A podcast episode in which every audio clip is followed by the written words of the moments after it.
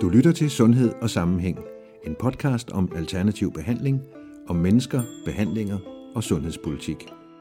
Som læge kan jeg ikke anbefale alternativ behandling. Enten er det placebo, eller også er det humbug. Jeg kunne mærke på min egen krop, at det virkede. Jeg tror, der er rigtig mange kvaksalver derude. Her har du en smagsprøve på, hvad du kommer til at møde i Sundhed og Sammenhæng fremover. Du kommer med backstage, når jeg snakker med behandlere, læger, forskere og andre – om for eksempel virkning, sikkerhed, uddannelse, politik og så naturligvis selve behandlingerne. Her er et par klip fra dem, du skal møde i den første episode. For eksempel Majbrit, der fik zoneterapi, fordi hun havde stress. Og det var til synligheden ikke nogen dårlig idé.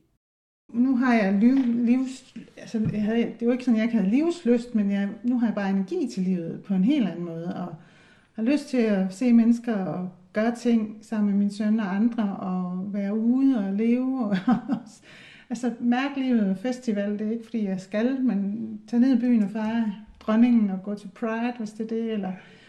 Jeg har sådan lyst til at deltage, og den lyst havde jeg slet ikke før. Majbrit får behandlinger hos Bente Christiansen, som er uddannet i zoneterapi og akupunktur. I episode 1 kommer hun blandt andet ind på forskellen mellem lægevidenskaben og det alternative, og efter hendes mening bliver mødet med sundhedsvæsenet ofte alt for unuanceret. Hvis du kommer med en smerte, så får du en pille for den. Hvis du kommer med en depression, så får du en antidepressiv. Og så videre. Søvnproblemer, så får du en sovepille.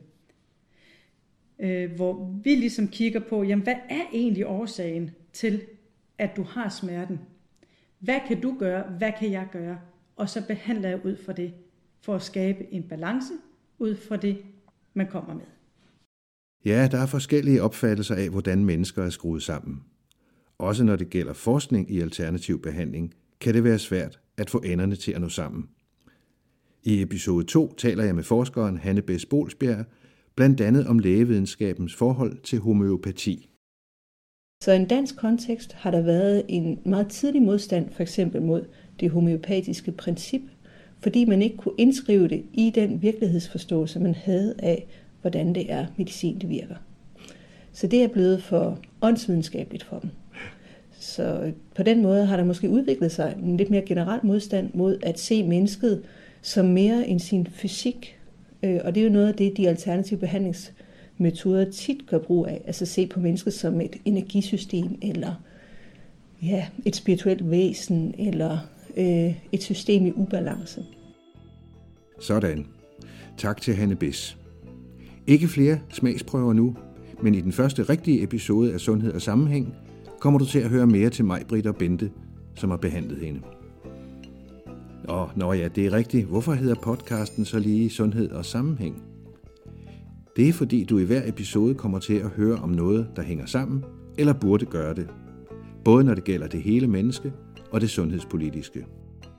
Fra første episode kan du altid finde fakta og links om det, vi taler om på podcastens hjemmeside, som kommer op senere. Jeg har også en Facebook-gruppe, der naturligvis hedder Sundhed og Sammenhæng. Og hvis du har hørt noget om sygdom og behandling i min podcast, noget der giver mening for dig, så er det helt fint. Men du må ikke opfatte det som sundhedsfaglig vejledning. Den slags får man som bekendt kun af fagfolk, man har mødt personligt. Og husk lige at abonnere på Sundhed og Sammenhæng i din podcast-app, så går du ikke glip af noget. Og kan du lide det, du hører, så del det meget gerne med andre. Musikken var af Clive Romney, og din vært, også denne gang, var mig, Jesper Madsen.